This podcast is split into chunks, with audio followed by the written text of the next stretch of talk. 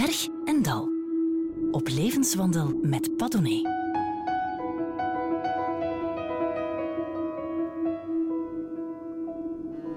En we zijn weer vertrokken voor een nieuw seizoen Berg en Dal, Berg en Dalletjes. Sella Sue zingt al van toen ze naar eigen zeggen de baard in de keel kreeg. En ze is dat, overigens met succes, blijven doen. Nu al enkele albums en een collectie mooie songs lang. Maar Selassou is ook Sanne Putsijs, de vrouw achter de artiesten, die er geen geheim van maakt dat ze al van jongs af struggelt met depressies. Is niet voor niets meter van te gek. Dat pleit voor een humane geestelijke gezondheid. Dag Sella, dag Sanne. zit je op een berg of zit je in een dal? Oeh. Ehm, wel, het, als je het mij een week geleden had gevraagd, dan had ik gezegd een dal. En vandaag ben ik toch aan het klimmen op een berg. En kan dat volgende week weer anders zijn? Absoluut. Serieus? Absoluut, ja, ja, ja. Het gaat dus van berg naar dal? Ja, eigenlijk wel. Dat is zo'n beetje... Ja, je vraagt altijd je af in hoeverre dat bij een ander ook zo is, of hoe diep het dal is bij een ander. Je kunt het niet vergelijken, maar ik heb toch wel echt het gevoel dat het bij mij altijd wel zo'n beetje up en down en up en down gaat. Ja. En heel diep en heel hoog? Of? Dat is dus de vraag, hè. met wie kun je vergelijken? Ik heb, um, bij mij is het, het, het laagste punt van het dal is al heel lang geleden. Um, dus ik zal zeggen dat ik zo... Um, Weet je, als ik het gevoel heb dat ik nog op kan staan en mijn ding kan blijven doen en kan moederen en kan zorgen, dan is het, zit ik niet op het laagste en dat is oké. Dat is oké. Maar natuurlijk, wat is het laagste? Ik bedoel, er zullen mensen zijn die jouw laagte nooit hebben bereikt in hun leven, ook niet na een uh, gigantische uh, rouwperiode. Mhm. En er zullen er wellicht ook zijn die nooit die uh, hoogtepunt hebben gekend. Denk ik ook. Denk ik ook, ja. Zegt ze met uh, onverholen blik. van... Absolutely. Um, ja, dat is waar. Ik denk, dat, dat is inderdaad, iedereen zit anders in elkaar. Ik ken echt wel mensen die, die van aard uh, makkelijker, lichter, meer relativerend door het leven gaan. Um, en dat is bij mij niet het geval. Which is fine. Ik bedoel, ik kan daar absoluut mee ja. leven. Ik zou niet willen veranderen. Ik zou niet willen wisselen. Hoor. Nee? Nee, nee, nee, nee. nee. Bij jou niet het geval, zeg je? Is dat een understatement? Uh, ja, dat is, dat is wel een statement. Dat is, dat is gewoon of een, een understatement. een understatement. Ja, ja, ik denk het wel. Ik denk het wel. Want het is al, en we gaan daar later op terugkomen natuurlijk, maar het is al eigenlijk van heel jongs af dat je uh, kampt met, uh, met, met, uh, met die uh, moeilijke mm -hmm. stemmingswisselingen, met depressies. Ja, ja van veertien is eigenlijk begonnen. Ja. Vanaf de plotse bewustwording van mezelf. Daarvoor als kind, ik leefde echt in het moment, in het nu. Ik was een heel gelukkig, vrolijk, vrolijk kindje. Um, en dan kwam plots die puberteit. Ik stond op de speelplaats, bewustwording. Ik ga elk moment iets zeggen, mensen gaan naar mij kijken. Ik, ik kwam gewicht aan, ik werd een vrouw. Ik, werd, ik, vond dat heel, heel confronterend, heel moeilijk. En dan kwam echt zo die, die, uh, die angsten erbij. En dan is de vraag natuurlijk, is dat, is dat genetisch of is dat, uh, of is dat eh, door omgevingsfactoren? Ik, het zal wel een combinatie zijn van, van allemaal een beetje. Hè. Maar hoe moet ik me dat dan uh, voorstellen? Uh, dus je zegt vanaf het moment dat, uh, dat, dat, je eigen bewust wordt van, van een ik, maar als kind heb je dat toch ook? Ja, al wel, vreemd genoeg. Niet echt. Dat is iets wat, wat je verleert bijvoorbeeld. Ik ben, ben heel grote fan van, van Eckhart Tolle, de kracht van het nu, hè, leven in het moment. Um, ik heb het gevoel dat als je als kind, of ik toch als kind, omdat ik ook een absolute zorgeloze kindertijd had. Het zou absoluut anders geweest zijn. Moest je gepest worden of, of, of thuis problemen hebben gehad, dan zou je daar wel bewust van worden. Maar dat was ik niet, want ik had een feilloze kindertijd. Je bent de jongste van drie. Mm -hmm. Je hebt een zus en een broer. Hoe feilloos was dat? Hoe moeten we ons dat voorstellen? Is dat de idylle en op je veertiende de hel? Of... Want zoals je het voorstelt, lijkt het wel alsof je uh, in een soort van paradijselijke wereld rondliep. Ja, misschien toch wel. Alles zat mij ook mee. Zo. Ik, was een heel, ik was een heel gelukkig, populair, geliefd kindje. Ik woonde zo in een sociale woonwijk met kindjes die continu buiten speelden. En ze kwamen bellen bij mij. En ik was, ik was eh, in alles goed op school ook. Uh, het zat me echt wel mee. En dan, kebang, realiteit. ja, de harde wereld. Is het zo dat je uh, wist dat je ja, professionele zangeres wilde worden vanaf het moment dat je de baard in de keel kreeg? Nee, absoluut niet. Nee, nee, nee, nee. Nee, ik deed dat echt maar gewoon op mijn kamer, omdat ik daarvan genoot. Omdat dat voor mij ook zo'n een goede uitlaatklep, samen met in mijn dagboek schrijven, was zingen voor mij een uitlaatklep.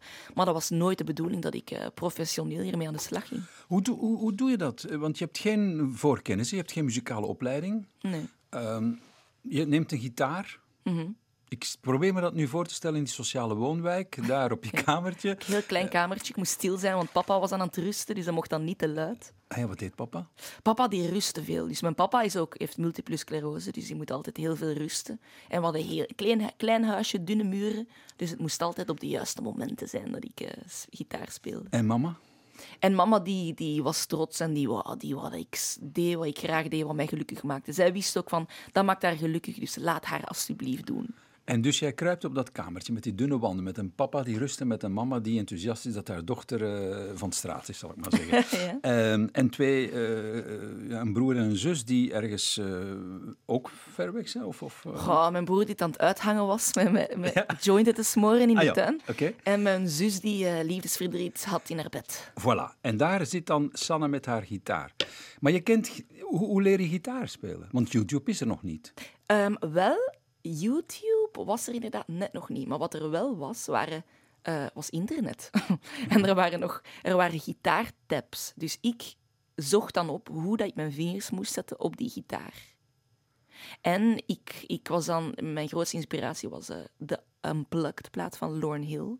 En ik wou exact weten wat ze deed. Dus luisteren, luisteren, luisteren, naspelen, in de spiegel kijken hoe ben ik aan het spelen, aan het zingen. Dat is echt fantastisch eigenlijk. Ja. Je had daar een spiegel in dat kamer. Ik had absoluut een spiegel waar ik echt met veel overgave in weende. Ja, ja, ja. ja, ja. En, eh, ben je ook zo'n meisje dat, ik moet niks zeggen hoor, want ik deed het ook, uh, in de badkamer dan voor de spiegel staat, de fles shampoo neemt en doet het alsof een microfoon is? um, dat is zo'n cliché, zeg. Ja, maar uh, bij mij was het zo. Bij je was dat zo, Absoluut. En ik interviewde een denkbeeldig iemand. Ik heb er honderden geïnterviewd. Ah, van de paus tot eh, de president van Amerika. Ja. Nee, wat ik, wat ik vooral heel veel deed, was in de spiegel, in mijn kamer, doen alsof dat ik doedelzak speelde. Dat was echt mijn ultieme droom als kind. Raar, hè? Doen alsof je doedelzak speelt. Ja. Kent je de band Hevia? Ja, dat was, een, dat was een cd'tje wat toevallig lag bij ons thuis. En ik vond die doedelzak, dat was zo de tijd van de Last of the Mohicans en, en Braveheart. En ik was zo in de ban van die films. En ik wou heel graag doedelzak spelen. En hoe doe je? Want je hebt eh, wedstrijden trouwens, eh, luchtgitaar spelen. Hè? Doen alsof je gitaar speelt, maar doen alsof je doedelzak speelt, dat lijkt me tamelijk ingewikkeld. Ja, dat is Bijna waar. moeilijker dan het te spelen. Dat is waar, dat is waar. En ik wist ook niet echt zo hoe dat eruit zag, dus ik deed mijn vingers zomaar wat op een blokfluitachtig. En dan deed ik dat ik zo'n mega doedelzak rondom mij had. Sanne, Sanne. Eh, kun je doedelzak spelen ondertussen? Nee, totaal niet. Alleen gitaar? Alleen gitaar, ja. En zingen natuurlijk. En zingen. Gitaar speel ik niet als de beste hoor, moet ik wel echt. Dat is puur op gehoor en op gevoel. Dat is een beetje de, de manier voor mij om te kunnen zingen, die gitaar. Wat voor soort songs waren dat in je puberteit die je componeerde, die je maakte? Dat waren al meteen de songs die ook op mijn eerste plaats zijn gekomen. Eh, dus mijn eerste nummer dat ik geschreven was, was Explanations. En toen was ik 15 of zo. En dat gaat echt over. ehm, I need explanations and some fitting solutions, because I am turning in a stranger more and more. En dat is een beetje de basis van waar ik nog altijd over schrijf. Dat is waar. Mhm. De vervreemding eigenlijk van jezelf. Absoluut, ja. The stranger. Mhm. Eh, waar komt dat vandaan? Ehm, die, die gevoelens bedoelt je? Mm. Oh ja, you tell me. Goh. Dat, zit, dat altijd, heeft altijd in mij gezeten om alles te overanalyseren. Om ook dingen heel intens te beleven. Ehm, dus eh, ja. Weet je, die- het is nooit iets waar je echt om gevraagd hebt. Hè. Je, wordt zo geboren en je begint na te denken en this is the way it is. En je probeert daarmee aan de slag te gaan op een zo goed mogelijke effectieve manier of zo, maar toch maar iets mee te doen. En dat is dan mijn manier geworden. Maar niet de makkelijkste, Nee, nee, denk ik. nee. Wow, niet de makkelijkste. Dat componeren en dat muziek schrijven en dat, dat musiceren vind ik eigenlijk wel de, de, eh, een hele mooie optie. Het had evengoed in, in, in alcohol of drugs eh, kunnen gaan. Ehm, Dat is waar. Maar het is misschien wel een verslaving, de muziek. Ehm, ja, maar weet je, als we zo ver gaan gaan, dan vind ik ook altijd hè, dat zo van sporten. Oh ja, dat is ook een verslaving. True that. Maar kom je, als je dan kunt kiezen tussen alcohol of hero spuiten of eh, muziek maken, gaan we toch voor eh, muziek gaan. Je zegt dat je, eh, tenminste van jezelf, dat je enorm realistisch bent. Je loopt zelden met een wauwgevoel rond. Ik bedoel, eh, ik herinner mij, je zit in het voorprogramma van Prince. Ja, wie kan dat zeggen? Goh, voor Cella, zo is dat ook maar. hè. Gewoon klein jongetje eh, dat eh, toevallig... eh, Klein jongetje. ja, was, echt was groot wel- was hij nee, niet, nee, hè? Nee, was echt wel klein. Ik denk dat je er los overheen zag. maar bon, ja, zo wat. Ja, ja, Niet? ja. Dat. Sportpaleis vol spelen, so what? In, Ja. In L.A. een eh, plaat opnemen, so what? True. Ja, heel realistisch, absoluut. Is dat realistisch of is dat een soort van eh blasé? Blasé. Leg me dat eens uit, blasé. Blasé in de zin van... oh, ik heb alles al gehad. Oeh, Been. Totaal niet. Ja, het, het, het, heeft zoiets arrogant bijna. Het heeft, Wel, ja. Dat kan ik inderdaad. Arrogant blasé dus. Ja, de, de buitenwacht zou verkeerdelijk kunnen denken van... Ja, jongens, Ja. maar dat is het niet. Dat is het absoluut niet. Nee, want ik, ik stel iedereen op dezelfde hoogte. Dus Of laagte. nee. Ja, of laagte. Ja, ja. Maar wel op dezelfde. Hè? Dus ik ga niemand als hoger beschouwen of niemand als, als lager. En dat vind ik wel heel gezond. Prins is niet meer waard dan Jan met de pet op straat. Hè? Ja, Maar, maar... Prins heeft wel veel talent. Hè? Allee, daar kunnen we niet omheen. Had. Ja, had veel talent. Eh, en ik moet wel eerlijk zeggen, als ik nog even Nee, mag... natuurlijk. Ik heb nu wel zoiets van, als ik mij heel onzeker voel, kan ik wel denken... Maar Prins zei dat het goed was, dan kan het toch niet zo slecht geweest zijn. En dat, ja, dat. Zei Prins dat het goed was? Prins zei dat het goed was. Dan is het goed. Prins zei, you breathe music. Wauw. Mooi, hè? Ja, dat is mooi. Ja. Ehm, Sanne Putsijs, Sella Sou. Hoe, ja, hoe, hoe, moet ik jou nu de rest van eh, het uur eh, aanspreken? Eigenlijk? Wat heb je het liefst en wat is het verschil? Mm. Dan mocht je absoluut kiezen. Het voelt zo wel, misschien toch wel iets persoonlijker als je Sanne zegt of zo. Ehm, eigenlijk is het hetzelfde. Ik doe me nooit anders voor of ik, ik, ik draag Maar- nooit een masker of zo. Dus Sella of Sanne, whatever. Dat wil ik geloven, maar ik ben journalist, dus ook een beetje niet. Sella is toch heel klaar en duidelijk uitgesproken de artieste. Sanne is, eh, ik zal het maar even zeggen, eh, partner van, moeder van, twee kinderen, twee pluskinderen. Dat is toch iets anders? Ja. Ik merk bijvoorbeeld, ehm, als je jouw interview erop nahoudt dat, eh, of leest, dat journalisten dat gewoon ongegeneerd door elkaar heen gebruiken. En dat jij daar geen punt van maakt. Ja.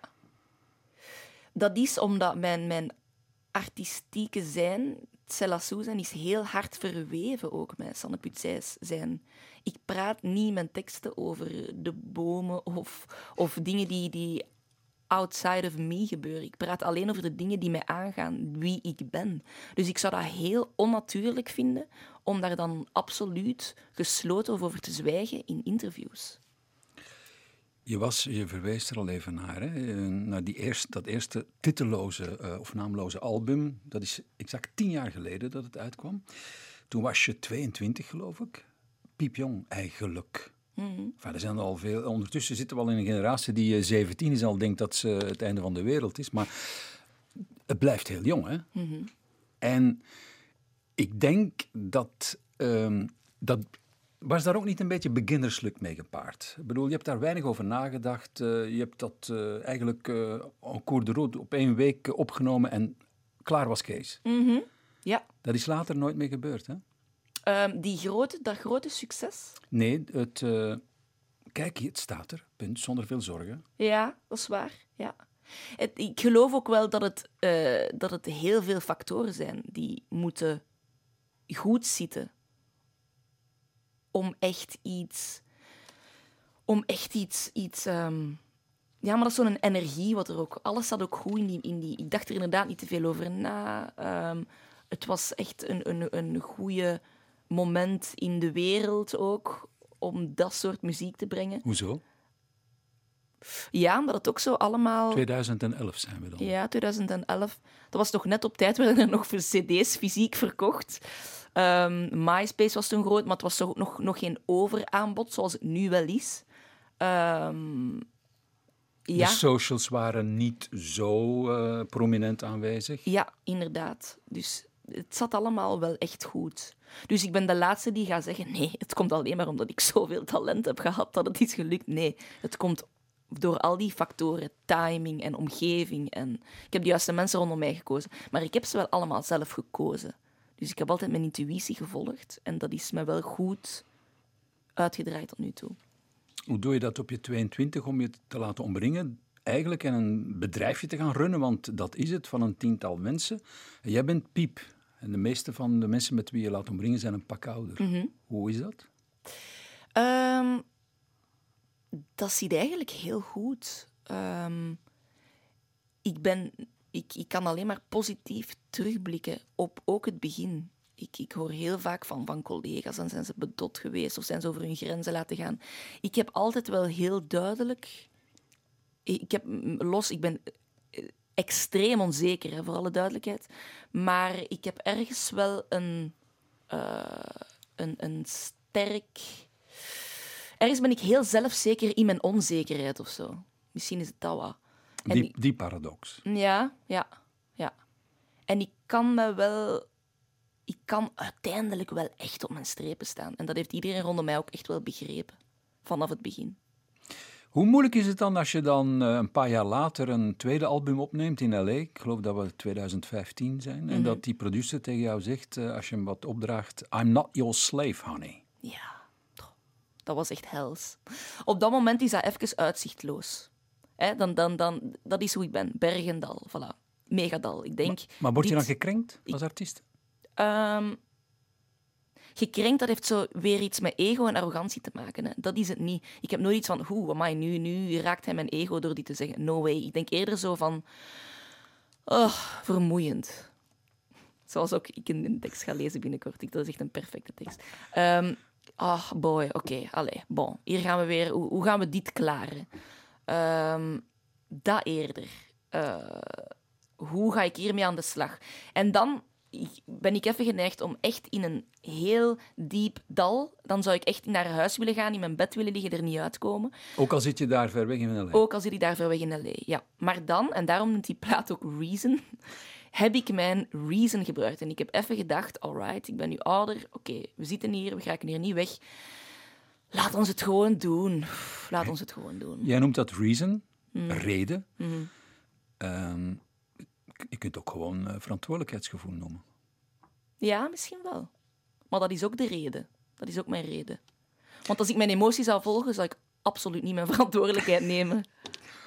Zoals iedereen, ook dit seizoen mag je eh, boeken meebrengen naar Bergendal. Hier kan dat, hè, eh, Sanne? Tof, hè? Ja. Sella Sue bracht J.D. Salinger mee. Wedden dat ze thuis nu denken, ah, Catcher in the Rye. Miljoenen. Er zijn er 70 miljoen van verkocht van. Catcher in the Rye. Maar die heb je niet meegebracht. hè? Nee, die heb ik niet meegebracht. Die heb je zelfs nog nooit gelezen. Nee, echt niet. Franny en Zoe. Franny en Zoe. Ja.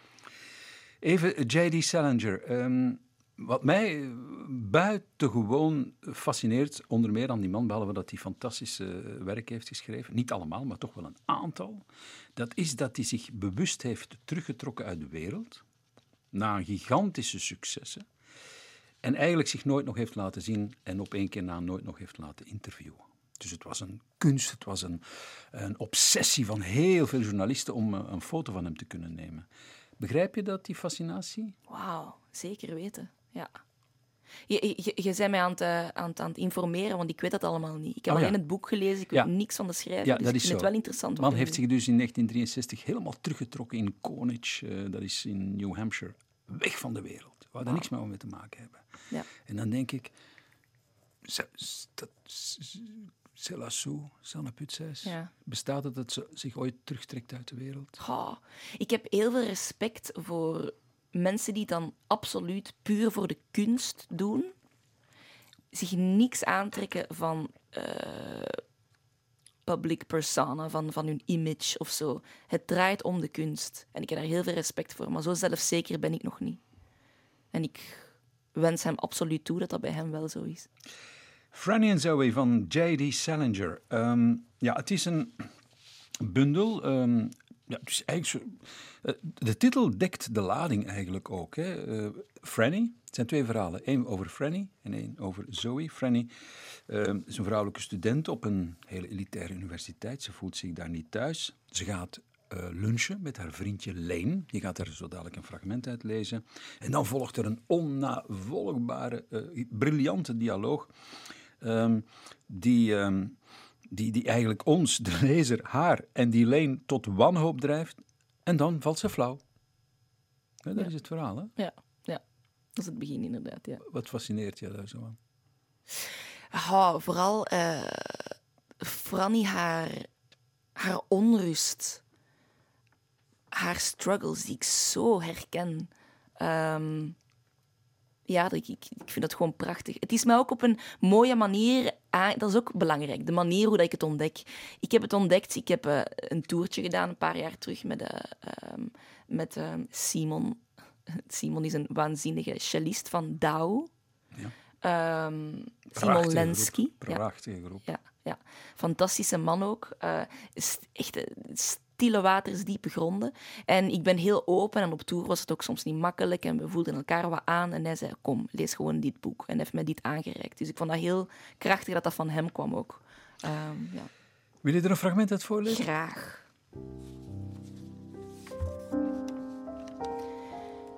Vind je jezelf geniaal? Franny haalde haar hand van haar hoofd af. Hé Leen, alsjeblieft, doe niet zo vervelend tegen me. Ik doe helemaal niet. Ik weet alleen dat ik bezig ben gek te worden, zei Franny. Ik ben al dat ego, ego, ego gewoon spuugzat. Mijn eigen en dat van iedereen. Ik ben het gewoon zat dat iedereen iets wil bereiken, iets bijzonders wil doen en zo. Een interessant iemand wil worden. Het is walgelijk, walgelijk. Het kan me niet schelen wat ze zeggen. Leen took zijn wenkbrauwen op toen hij dit hoorde en leunde een stukje naar achteren ten einde extra nadruk te kunnen geven aan hetgeen hij ging zeggen. Weet je zeker dat je niet gewoon bang bent voor concurrentie? vroeg hij op bestudeerd rustige toon. Ik weet er niet al te veel van, maar ik zou er wat onder durven te verwedden dat een goede analyticus, ik bedoel een echt capabel iemand, die bewering waarschijnlijk. Ik ben niet bang voor concurrentie, het is precies andersom. Snap je dat niet? Ik ben bang dat ik de anderen zal beconcurreren. Dat maakt me juist zo bang. Daarom loop ik geen colleges dramaturgie meer. Dat ik nou zo gruwelijk geconditioneerd ben om het waardeoordeel van alle anderen te accepteren en dat ik het lekker vind om applaus te krijgen en dat mensen me het einde vinden, wil nog niet zeggen dat het goed is. Ik schaam me ervoor. Ik word er ziek van. Ik word er ziek van dat ik niet de moed heb om een absolute niemand te zijn. Ik word ziek van mezelf en van iedereen die op de een of andere manier indruk wil maken. Sella Soulas van J.D. Salinger, Franny en Zoe. Ik word er ziek van dat ik niet de moed heb om een absoluut niemand te zijn. eh, Wat een zin. Ja. Wat een prachtige zin. Herkent hè? Ja, Ja? ja, echt waar. Ehm, voor mij ook omdat... Het is, het is net waar we het over hebben gehad, over hemzelf. Salinger is zich aan het terugtrekken, doet het puur alleen voor de kunst. Hij heeft de moed om een niemand te zijn, denk ik. Ik weet Ja. ik ken hem niet, hè. maar zo, zo denk ik nu even. Hij heeft de moed om zich niet te laten gelden met interviews of public persona of image of ego of weet ik veel. Hij doet puur zijn kunst. En dat is iets wat ik ook heel graag wil. En ik struggle daar ook heel hard mee.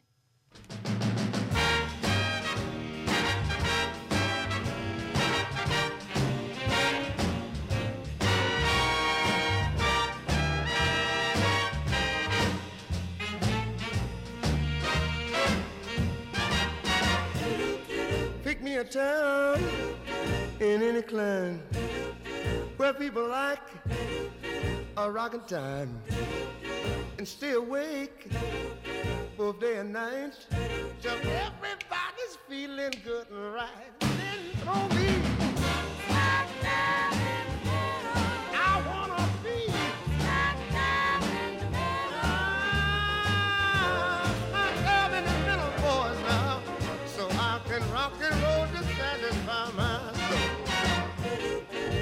Cadillacs, a diamond mill, ten suits of clothes to dress to kill, a ten room house, some barbecue, and fifty chicks not over twenty-two. Then throw me.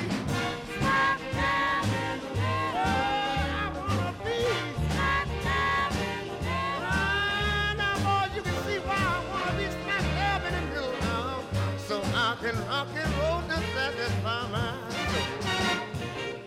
100 bands with chorus girls, a street that's paved with natural pearls, a wagon load of bonds and stocks, then open up the door with four knocks, then throw me. I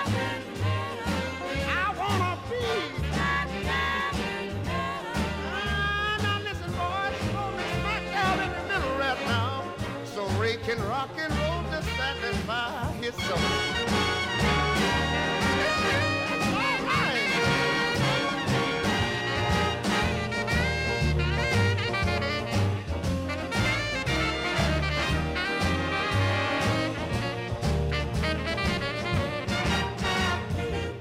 A lot of bread and gangs of meat, oodles of butter and something sweet, gallons of coffee to wash it down, by bicarbonated soda by the pound. For oh, me,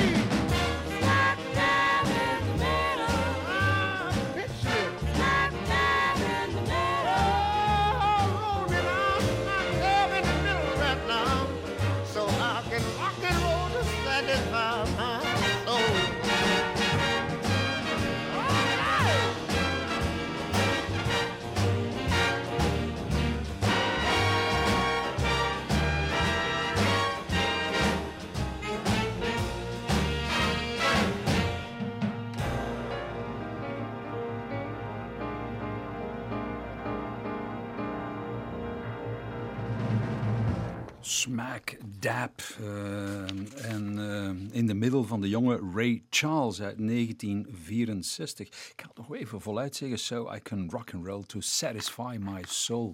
Misschien is dat wel waar het allemaal om gaat. Uh, Sella Sue in de muziek. Satisfy my and your soul. Nee? Zeker weten. Toch een tijdelijke satisfying. Maar de ziel. Laat ik even een ehm, ehm, veelbelovend talent erbij halen. Arnon Grunberg, schrijver. Die zegt, er bestaan geen normale mensen. Er bestaan alleen patiënten.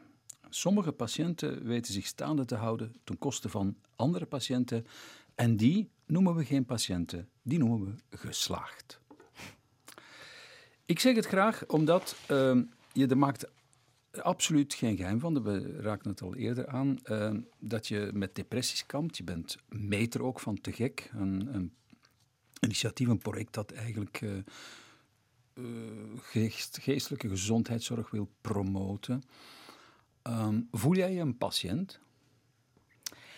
Ehm, goh, ik voel mij een geslaagde patiënt. Ja. Misschien is dat wel de beste omschrijving. En wat moeten we, ja, wat moeten we ons daarbij voorstellen? Ja, het is nieuw, hè, omdat je zo zei, van eh, anderen zijn geslaagd. Ehm, ik, ik, ik, eh, dat is zo, ik voel mezelf zeker in mijn onzekerheid. Dat is ook een beetje hetzelfde eigenlijk. Ehm, ik ben mij ervan bewust, ik ben me bewust van mijn zwakheden. Ik ben me bewust van mijn donkere kanten, van, van de ups en de downs, van het berg en van het dal. Maar ik heb daar wel vrede mee. Ik ben zo en that's fine. En het is moeilijk soms. Ehm, maar dat is oké. Ik denk dat je echt een patiënt bent als je, nog, als je daar nog geen echte vrede mee hebt. Ja, ja. Maar je bent misschien een geslaagde patiënt als je dat kunt aanvaarden of zo. En is dat zo in jouw geval? Je hebt dat aanvaard? Ja, ik zeg dat nu omdat ik toevallig op een, eh, op een berg zit. Ja. Dat, is, dat is zo typisch, hè? Eh, Is dat zo? Ja? Ja, eigenlijk wel. Eigenlijk wel. Ik kan het wel beter uitleggen dan het echte, dan het echte doen ook. Jammer, jammer, jammer. Dat is voor heel veel van ons natuurlijk. Hè. Ja. Ehm, er is een, eh, een, een boek verschenen, ehm, Depressie is menselijk, onze donkere kant anders belicht, van ehm, psychiater Mark eh Kalmijn.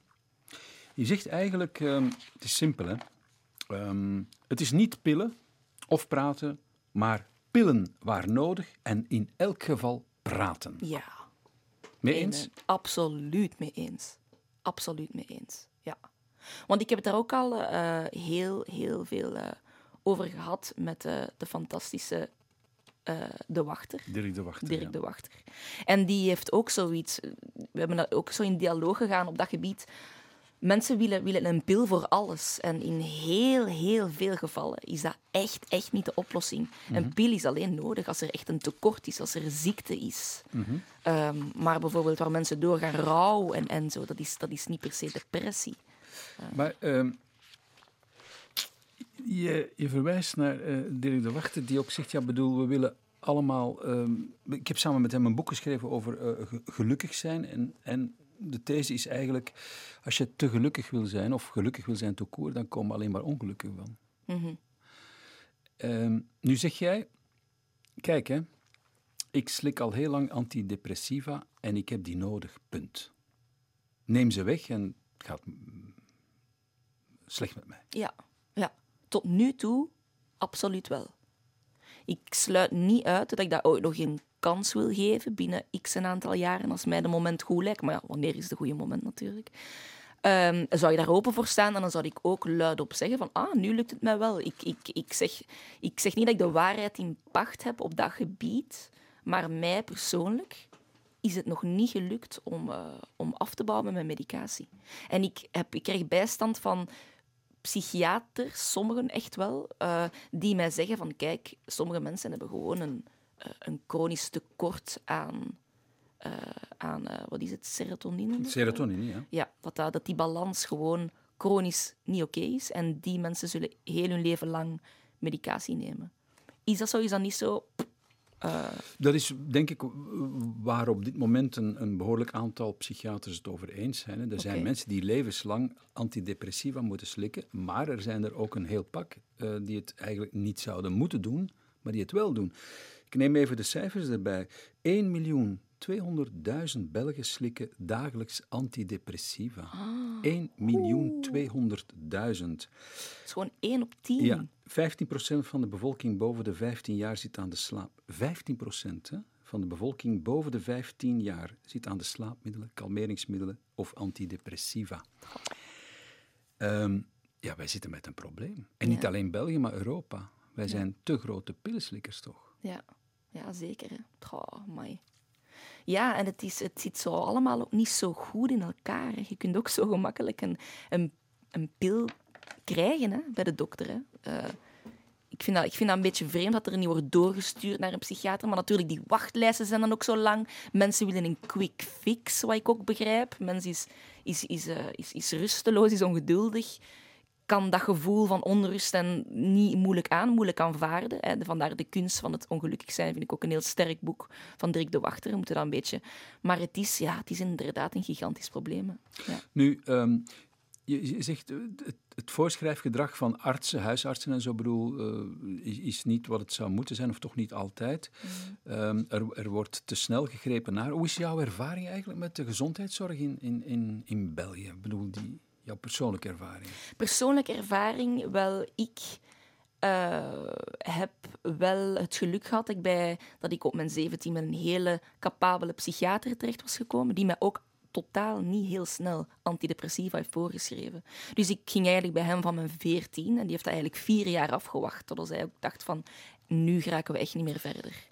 Ehm, nu, het, het, eh, het moeilijke, ja, het, het vreemde is gewoon dat op een bepaald punt ga je dan naar de huisarts, omdat je dan het niet meer nodig acht naar een psychiater te gaan. En die schrijft dan maar verder. En die opvolging is niet echt heel intens.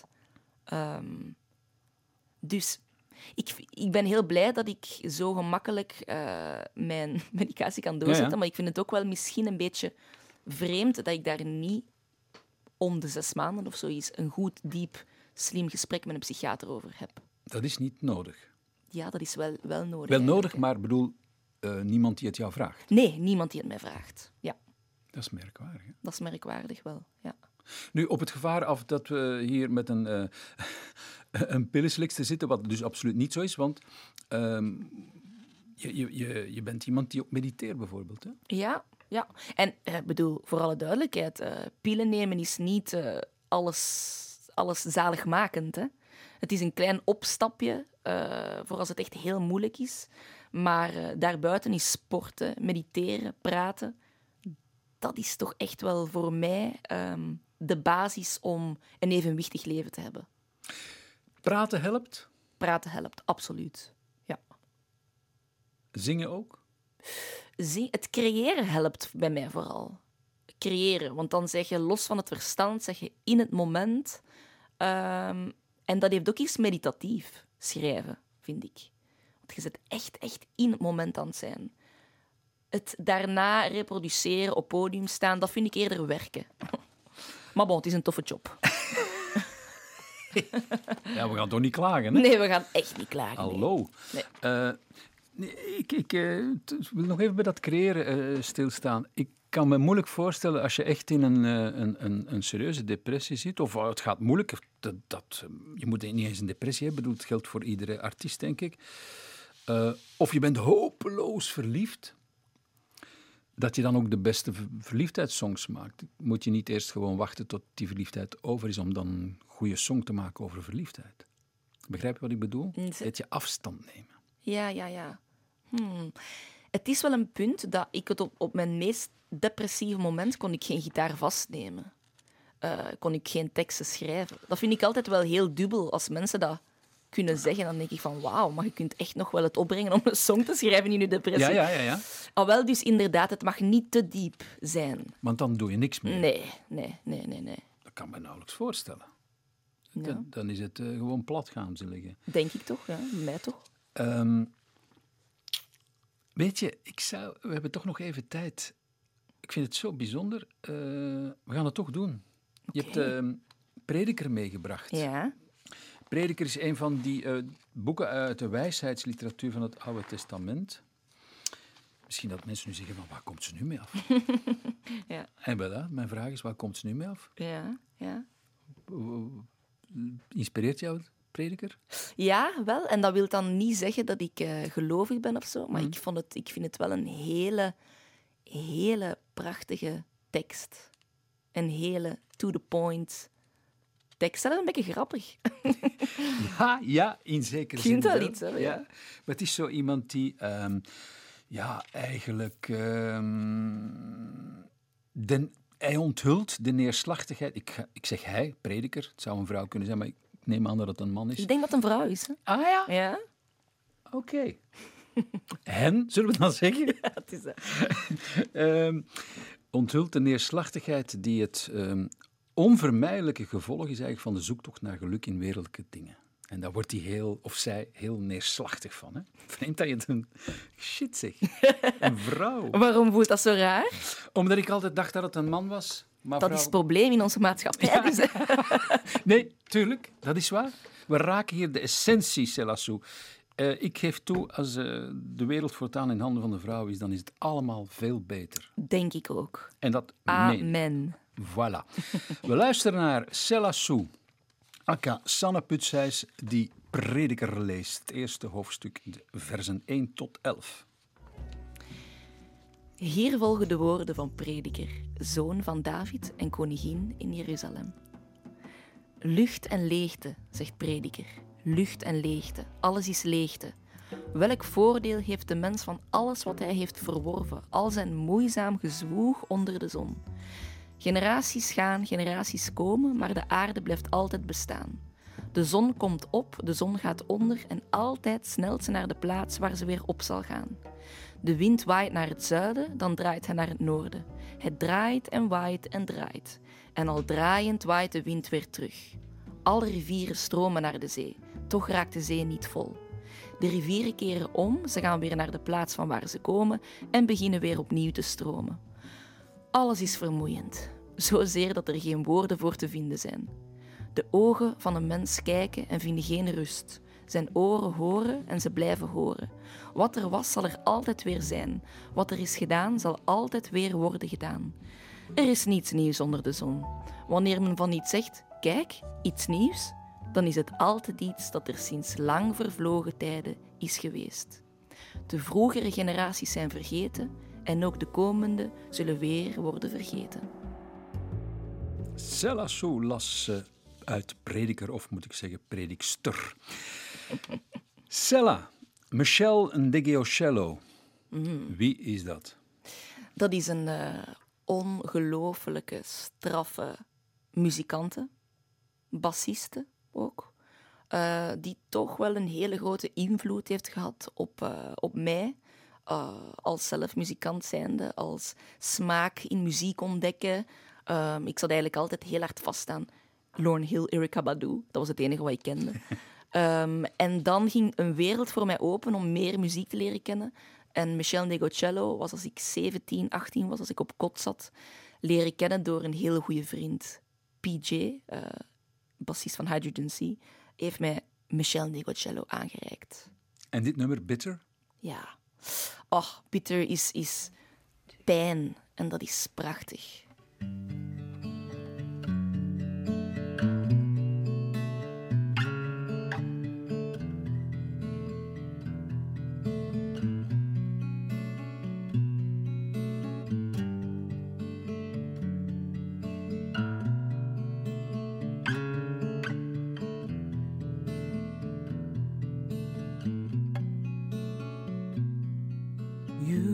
push me away.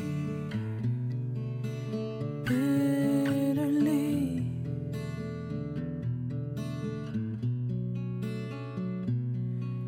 my apologies fall on your deaf ears.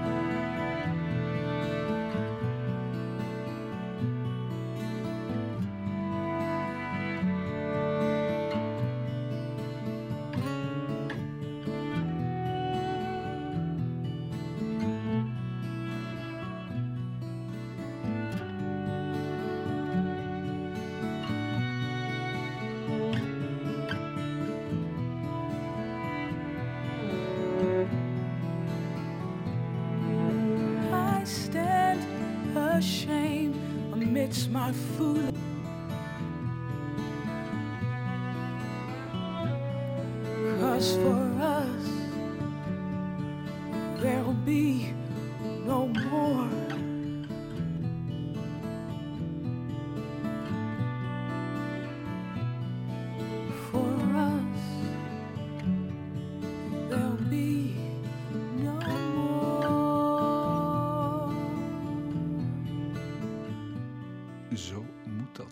Bitter van Michel Ndegeocello. Berg en Dal met Padone. En met Sella Sou, zij is eh, artieste, singer-songwriter. eh, Sella, je bent eh, mama van alles bij elkaar en plusmama van eh, vier kinderen. Dat is wat. Dat is een understatement. Ja, dat is wat, ja. Jongen, jongen, jongen. ja. Ehm, ik vind één al zo lastig. Nu, toen je eerste werd geboren, ehm, ja, kreeg je van over de hele wereld eh, eh, dankkaartjes. Eh, mensen vroegen jou, wat wil je hebben? En, en Cella zei van, ik hoef helemaal niks. Stort maar, doneer maar op de klimaatzaak. Dus dat is, ehm, ja, dus nog volop bezig natuurlijk. Actueel een organisatie die een rechtszaak tegen de overheid heeft ingespannen om de internationale klimaatafspraken na te leven. Ehm, is, dat, is dat meer dan ehm, marketing? Oh, wauw. Ik doe niks uit marketing, joh. Echt niks. Nee, ik, begin het, ik begin het te geloven. ja, ja. Maar ehm, ja, wa- was, dat is de, een geëngageerde mama. Die, Ja, bon, ik moet ook wel eerlijk zijn. Het is niet dat ik, dat ik eh, op de barricade ga, Hmm. ga staan. Ehm, maar ik, ik vind wel dat, die, dat dat echt wel, echt wel in de aandacht moet staan. En dat dat zo veel groter is dan dat vele mensen denken en ervaren. En dat is wel een big deal, denk ik, die klimaatopwarming. Daar wordt zo echt zo'n beetje ver van mijn bedshow over gedaan. Maar eh, het zal echt wel gebeuren. En zeker voor de komende generaties vind ik dat wel beangstigend. ben je iemand die eh, haar eh, voetafdruk nauwgezet in het oog houdt? Ehm, eigenlijk wel, maar ik moet ook, dus ik vind het ook een beetje dubbel, want we rijden elektrisch, hebben zonnepanelen. eh, Ah. Ja, ja, ja, we zijn veganistisch thuis. eh, maar we nemen wel het vliegtuig als we willen toeren. En dat doet ook alles teniet. Dus ik ben niet de beste leerling van de klas, maar ik zit wel in de klas. Maar waar? Achteraan. Van achter zo, veel in de hoek, maar Ja. ik, ik zit er wel. Kus van uw vrouw ga je niet krijgen. Nee, nee, nee. Ah, wel, maar dan is het simpel en dan schaf je die toch eh, die, die vliegtuigreizen af. Er zijn artiesten, grote eh, wereldartiesten voor jou die het al hebben gedaan. Hè? Ja, dat is waar. Maar ik, ik zou, het zou wel fijn zijn moest het van bovenaf komen. Dan zou ik mee zijn. Dat is jouw verplichte. Ja, ja, ja, voilà. wat En dat vind, je? ik ook, dat vind ik ook een beetje de rol van de overheid. Gaan toeren met de boot of? Maar ik zou dat prima vinden als iedereen dat zou doen. Mhm, ik snap het. Ja, Dus ja, we moeten daar misschien eh, de over... Ja, van nee. daar gaan we niet over beginnen. nee, nee, nee.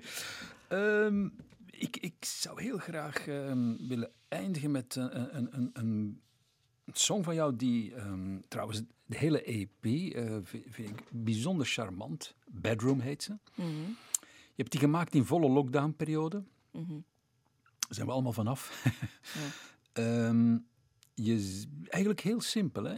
Weer op een kamertje, nu niet meer in die eh, sociale woonwijk van Weleer, Nee. maar toch op je kamer, op bed, met je kindjes. Eh, Met mijn baby in de wieperen naast mij. ja. Ja. En hoe, hoe ging dat? ja, dat was fantastisch. Oh, dat was zo tof. Oh, zo van genoten. Echt waar. Want op YouTube zie je je letterlijk liggen op, op, op bed, hè? Met, met, met, met, eh, En dat is waar ik vaak lig en vaak ben en vaak vertoef. Absoluut. ja. Ja. Ik had echt een roze wolk ook wel na, na, na de geboortes van mijn kinderen. ja? Ja. Allebei? Eh, nee, vooral de tweede was echt zo van there, done that, zo saai. Weer een baby. en de eerste, dat was echt magisch. En dan heb ik ook de meeste nummers geschreven. Dus ik heb niet alles in lockdown geschreven, moet ik ook wel eerlijk zijn. Ja. Maar toch, ehm, hele ehm, fijn besnaarde, feerieke, sobere songs zijn het geworden. Waar je volgens mij eh, het best in bent. Oh, dank u. Weinig, je hoeft al die dure producers uit L.A. niet en zo. Cella, doe het gewoon op jezelf. Ja, ik heb, ik, ik heb echt zo een publiek wat daarvoor is en een publiek wat dat maar saai vindt en echt wel voor... Dus voor ieder, voor ieder wat wil. Voilà. Nee, dat is zo. Dat is zo. Want het eh, meest recente, eh Hooray bijvoorbeeld, is dan weer heel up-tempo, geloof ik. hè? Ja, ja, ook wel diep, hè, als we naar de tekst luisteren. Maar ja. Get away, get away, get away. Ja, dus, dus Zeg, dat is maar de saaiste zin, hè. Hé, hé, hé, de context, hè. De context. Nee, nee. eh, ja, het gaat weer over hetzelfde natuurlijk. I'm judging everybody when I'm just as guilty. Voilà, ja. Eh, dat zijn twee persoonlijkheden die in mij zijn. De aandachtschijlen en de andere die daar echt op neerkijkt. En dat, dat past perfect bij ook Franny en Zoe. Zo die, die, die, die struggling met aandacht willen, maar ook beseffen dat dat maar leeg is. En het willen van de zelfzekerheid uit jezelf te halen, maar toch wel neigen naar die aandacht zo. Ehm, en daarover gaat het nummer eigenlijk. Een aandachtsvoer die geen aandacht wil. Ja, ja, ja, ja. De paradox. Je bent een vleesgeworden paradox. Absoluut. Selassou. Eh, we gaan luisteren eh, naar een eh, fragment uit je logboek ja. van 2004. Het is onvoorstelbaar. Eh, ik, ik pik er een zin uit, want we hebben geen tijd. Ik wil absoluut dat ene nummer horen. Ik wil geen kinderen omdat ik denk dat het heel leuk is of fantastisch of geweldig om ze te hebben. Ik wil ze graag hebben omdat ik denk dat het leven de som is van alle doorstane echte ervaringen. Dat schrijf je in 2004. Hoe oud ben je dan? V15. En dan weet je al dat je kinderen wil daarom. Ehm, ja, wel, ik heb die tekst niet zelf geschreven. Hè. Het komt uit een boek van Maarten het Hart. En mijn mama heeft mij die tekst gegeven toen ik haar vroeg... Mama, waarom wilt jij kinderen? We, we zijn toch echt verschrikkelijk thuis.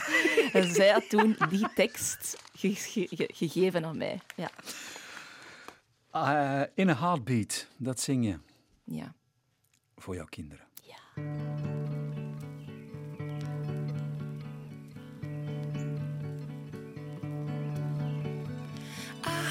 you till morning sun. Rest your head close to my heart.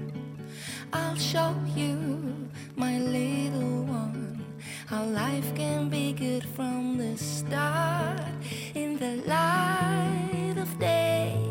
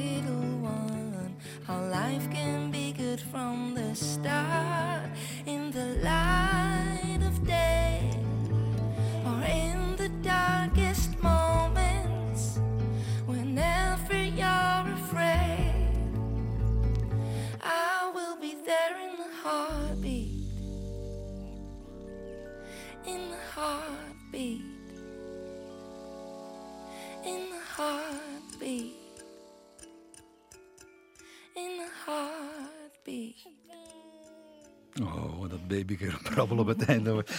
Als je daar een gevoelig voor bent, dan ben je van beton. Dit was Cella Sue die we hoorden in een Heartbeat. Ze zit oh, toevallig eh, nog even bij me. Wat is jouw credo, Cella? Goh, ik heb er zoveel.